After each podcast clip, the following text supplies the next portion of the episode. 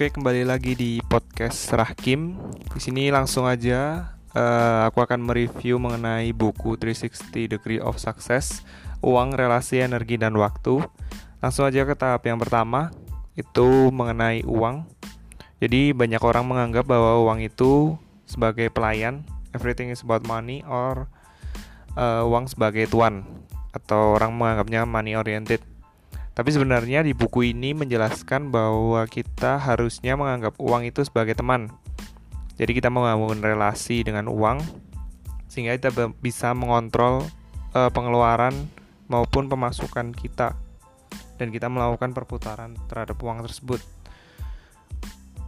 Anna Weber menjelaskan uh, dalam bukunya itu untuk membangun relasi dengan uang kita melakukan 3P yaitu passion, prioritas dan porsi. Intinya adalah uh, jika kita memiliki passion, kita harus uh, memprioritaskan passion tersebut dengan cara mengalokasikan kegiatan-kegiatan yang di luar passion kita sehingga dapat terselesaikan dengan kita mengalokasikan waktu seberapa lama kita menyelesaikan kegiatan-kegiatan tersebut. Intinya adalah itu.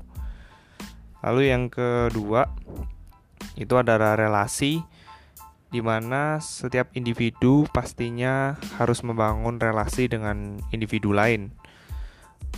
Contohnya adalah uh, kita memiliki seorang teman, keluarga, dan lain sebagainya.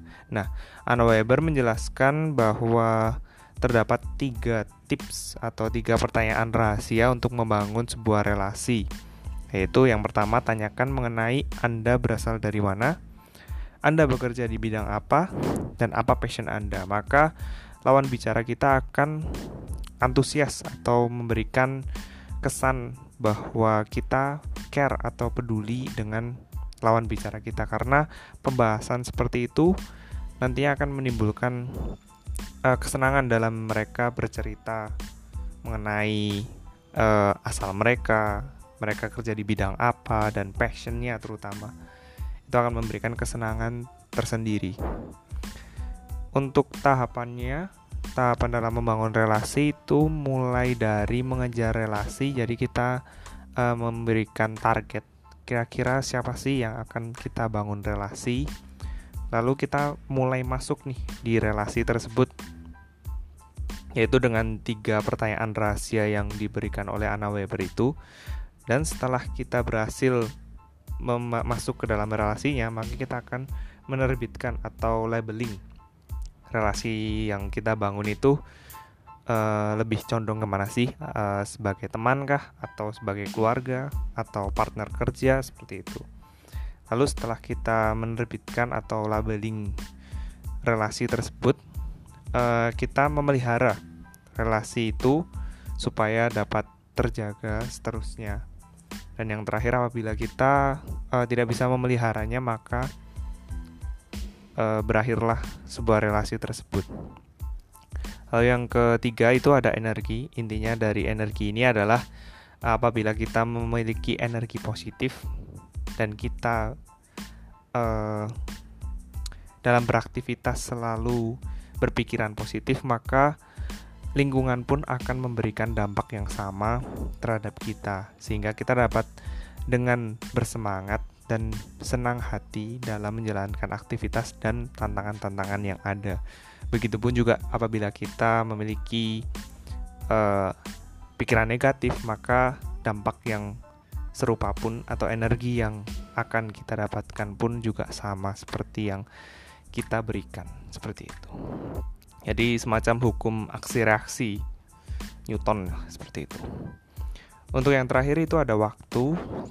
Uh, semuanya pasti akan berjalan dengan lancar apabila kita mengalokasikan waktu dengan baik karena efisiensi waktu itu adalah kunci dari keberhasilan kita dalam menjalankan sebuah aktivitas. Jadi apabila kita terlalu banyak wasting time di satu kegiatan, maka kegiatan lain juga tidak bisa tercapai kan, seperti itu. Uh, sehingga kita harus memaksimalkan waktu yang ada selama satu hari ini, yaitu satu kali 24 jam, untuk menyelesaikan semua kegiatan dengan prinsip 3P tadi, yaitu passion, prioritas, dan uh, portion jadi kita bisa mengalokasikan seberapa lama sih kita menyelesaikan satu kegiatan sehingga kita dapat melanjutkan atau melakukan kegiatan selanjutnya seperti itu.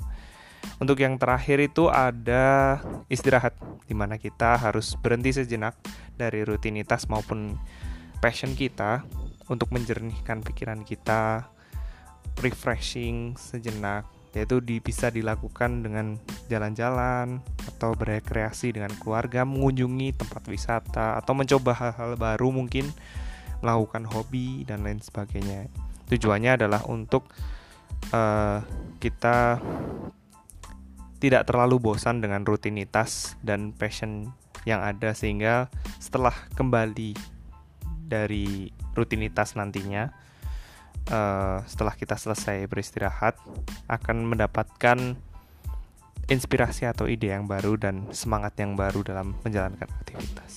Kurang lebih seperti itu review dari saya mengenai buku 360 Degree of Success dari Anna Weber.